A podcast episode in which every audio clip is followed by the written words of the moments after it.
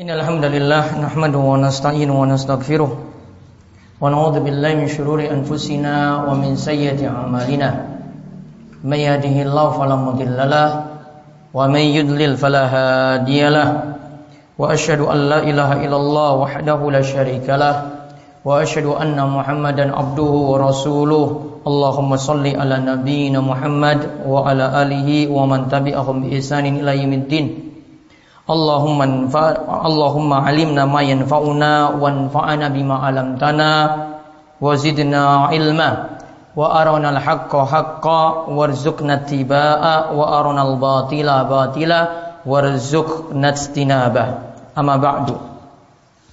Ma'asyiral muslimin rahimani wa rahimakumullah.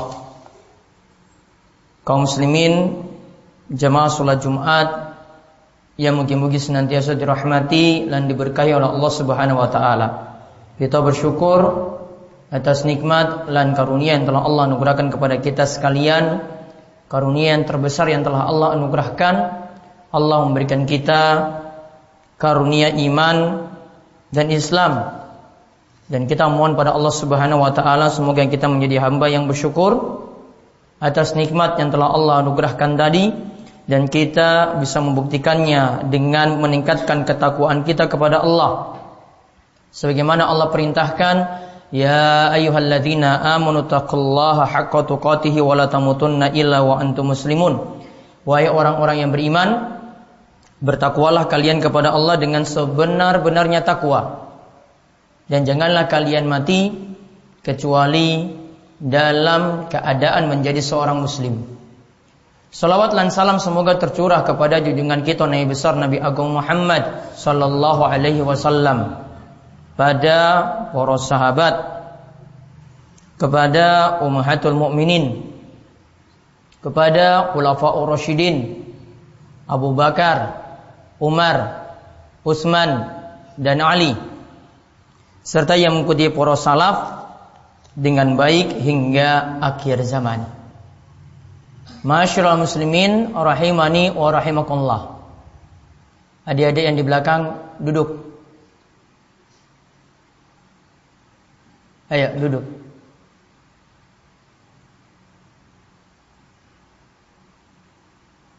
Khutbah Jumat tidak boleh main, orang tulanan HP,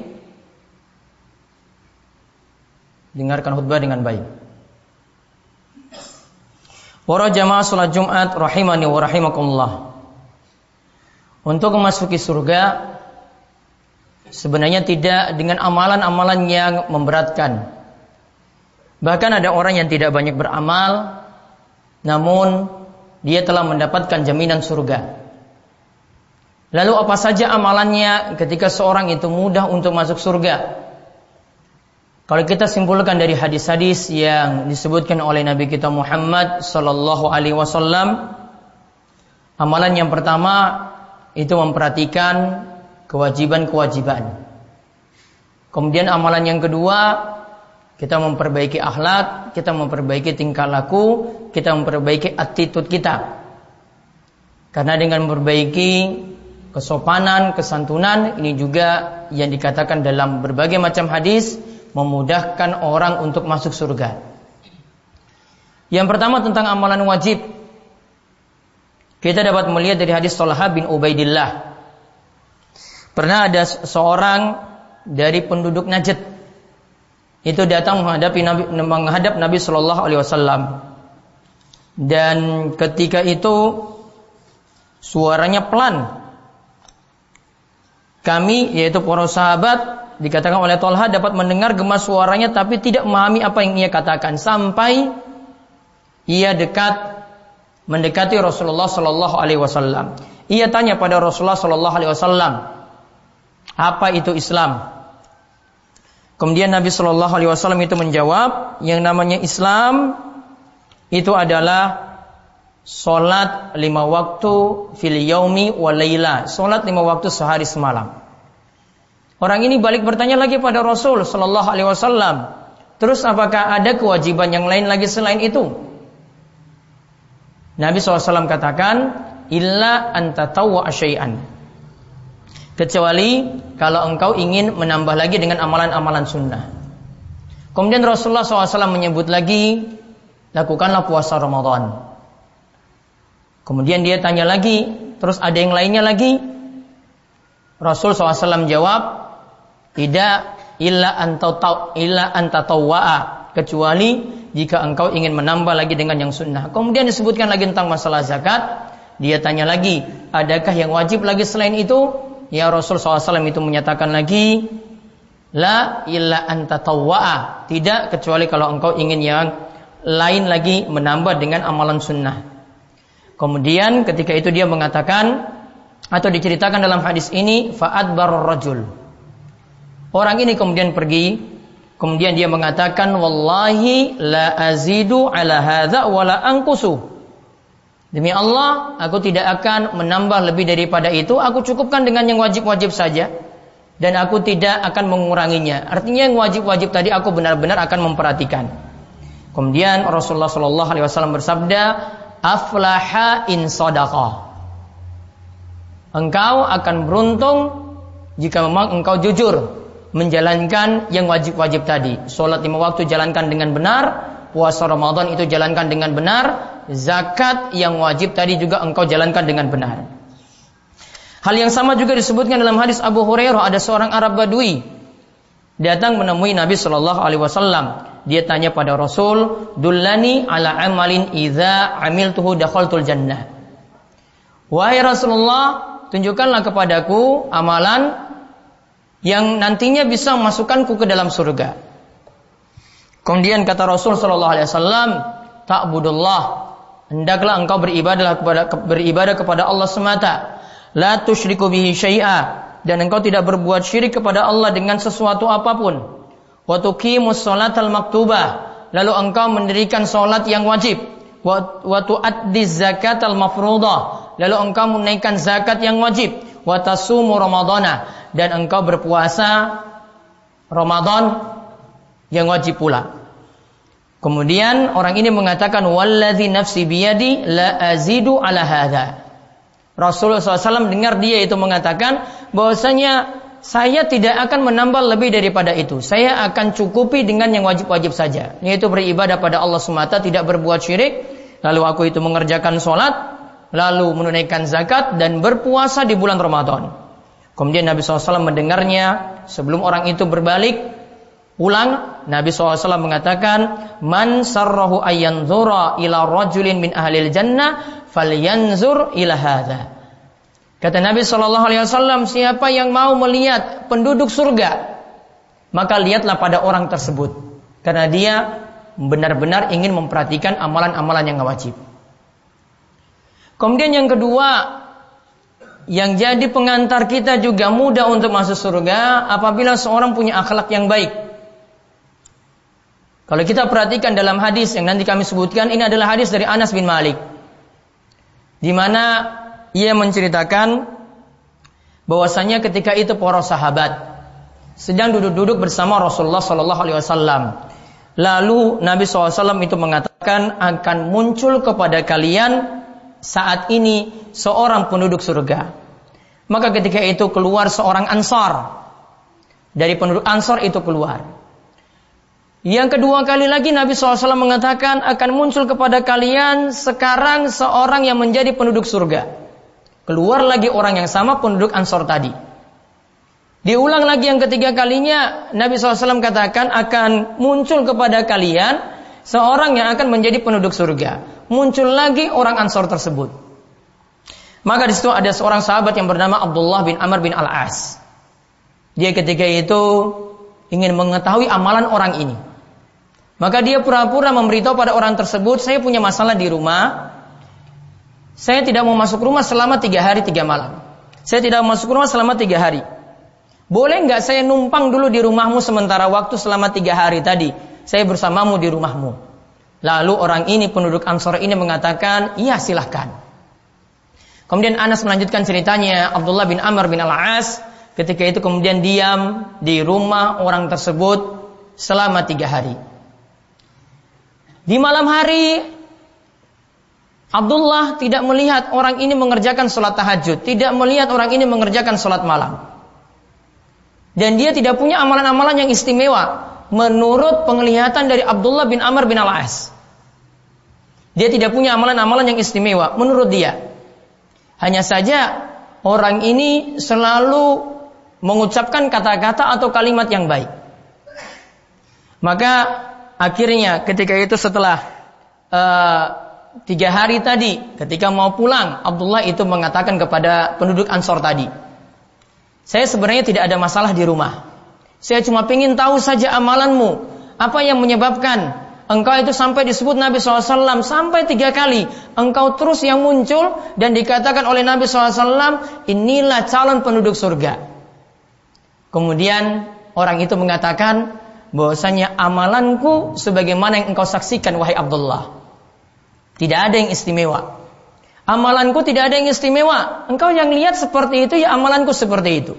Maka ketika Abdullah mau pulang, Lalu dia mengatakan kepada Abdullah, "Falamma walaitu da'ani." Abdullah mengatakan ketika aku mau pulang, orang itu memanggilku, "Sini." Ma huwa illa ma Aku sebagaimana yang kau lihat. Ghaira anni la ajidu fi nafsi li ahadin minal muslimin gishan wa la asudu ahadan ala khairin a'taha Allahu iyahu. Namun ingat, yang kau saksikan seperti tadi, namun aku tidak pernah punya rasa dendam pada orang lain. Dan juga aku tidak pernah hasad, tidak pernah cemburu dengan nikmat yang ada pada orang lain.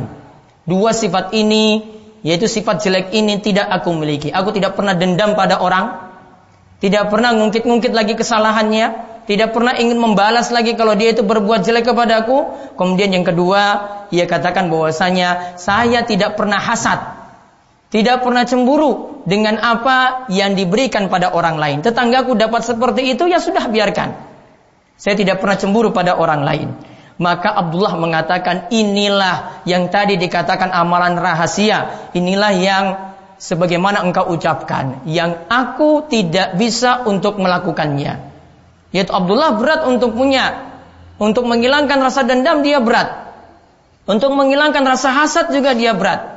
Dan inilah yang jadi kunci dari orang tersebut. Ya demikian dari khutbah pertama ini aku qouli hadza wastaghfirullah li wa lakum muslimin innahu huwas samiul alim.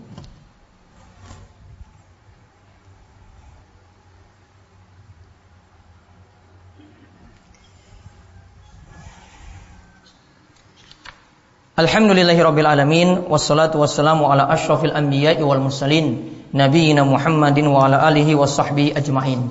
Amma ba'du ma'asyiral muslimin rahimani wa rahimakumullah.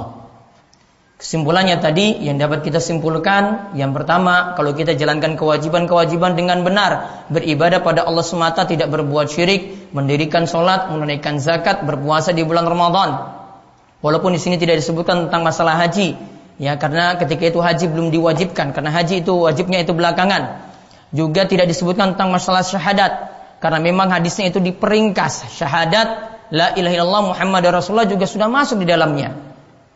Kemudian amalan yang kedua ini adalah yang penting yaitu ketika seorang itu memiliki akhlak yang mulia. Dan ini juga yang dikatakan oleh Nabi SAW ketika beliau ditanya, amalan apa yang masukkan orang itu untuk masuk dalam surga? Amalan apa yang banyak masukkan orang itu dalam surga? Kemudian Nabi SAW mengatakan taqallahi wa husnul khuluq. Yaitu bertakwa kepada Allah dan memiliki akhlak yang mulia. Kemudian amalan apa yang membuat banyak orang itu masuk dalam neraka? Kemudian Nabi SAW menjawab al-famu wal farju. Yaitu gara-gara mulut, gara-gara omongan dan juga gara-gara kemaluan. Maka lihat poin yang terakhir di sini satu poin penting lagi, akhlak, kesantunan itu perlu kita miliki dan perlu kita latih dari dalam rumah kita. Bertingkah laku kepada istri, bertingkah laku kepada anak mesti dengan dengan kesantunan. Tidak boleh di dalam rumah itu penuh dengan pertengkaran, tidak boleh penuh dengan rasa dendam, tidak boleh ketika kita sudah memaafkan kesalahan satu dan yang lainnya termasuk dengan tetangga kita, termasuk dengan teman-teman kita, kemudian masih ada rasa dendam yang ada dalam diri kita. Ingat menghilangkan gish tadi menghilangkan dendam dalam jiwa, dalam hati kita yang mungkin sulit dihilangkan, ingat balasannya Masya Allah akan dimudahkan untuk masuk surga.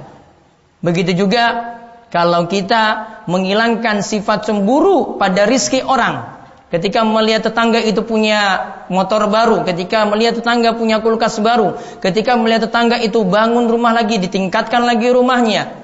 Kita hilangkan hasad pada diri kita itu dari nikmat yang diberikan pada orang lain, itu juga akan membuat kita mudah untuk masuki surga Allah Subhanahu wa taala. Jadi kuncinya perhatikan yang wajib, kemudian memiliki akhlak yang mulia, kesantunan, menghilangkan rasa dendam, juga ketika bertingkah laku juga menjaga kata-kata dengan baik dan berusaha juga untuk menghilangkan sifat hasad, cemburu atau iri kepada orang lain. Dan mudah-mudahan Allah Subhanahu wa taala memudahkan kita untuk memiliki akhlak yang mulia, memiliki sifat santun, memiliki akhlak yang luhur dan juga kita digunakan untuk melakukan kewajiban-kewajiban pada Allah Subhanahu wa taala. Dan kami ingatkan untuk banyak bersalawat kepada Nabi SAW di hari Jumat yang penuh berkah ini. Ya mudah-mudahan dengan selawat kita, kita akan mudah mendapatkan syafaat Nabi kita Muhammad SAW di hari akhir kelak. Inna Allah wa malaikatahu yusalluna ala nabi. Ya ayuhalladzina amanu sallu alaihi wa sallimu taslima. Allahumma salli ala Muhammad wa ala ali Muhammad kama sallaita ala Ibrahim wa ala ali Ibrahim innaka hamidun majid. Allahumma barik ala Muhammad wa ala ali Muhammad kama barakta ala Ibrahim wa ala ali Ibrahim innaka Hamidul Majid. Allahumma kfir lil muslimina wal muslimat wal mu'minina wal mu'minat al ahya'i minhum wal amwat. Innaka sami'un qaribun mujibud da'wat. Allahumma inna na'udzubika an bika wa nahnu na'lamu wa nastaghfiruka lima la na'lamu. Allahumma inna na'udzubika min munkaratil akhlaqi wal a'mali wal ahwa. Allahumma laka aslamna وبك آمنا وعليك توكلنا وإليك أنبنا وبك خاصمنا. اللهم إنا نعوذ بإزاتك لا إله إلا أنت أن تضلنا أنت الحي الذي لا يموت والجن والإنس يموتون. اللهم أحسن آكبتنا في الأمور كلها وأجرنا من خزي الدنيا وعذاب الآخرة. اللهم اكفنا بحلالك عن حرامك وأغننا بفضلك عمن سواك. ربنا آتنا في الدنيا حسنة وفي الآخرة hasanah wa qina adzabannar wa sallallahu ala nabiyyina Muhammadin wa ala alihi wa sahbihi wa man tabi'ahum bi ihsanin ila yaumiddin wa akhiru da'wana anil hamdulillahi rabbil alamin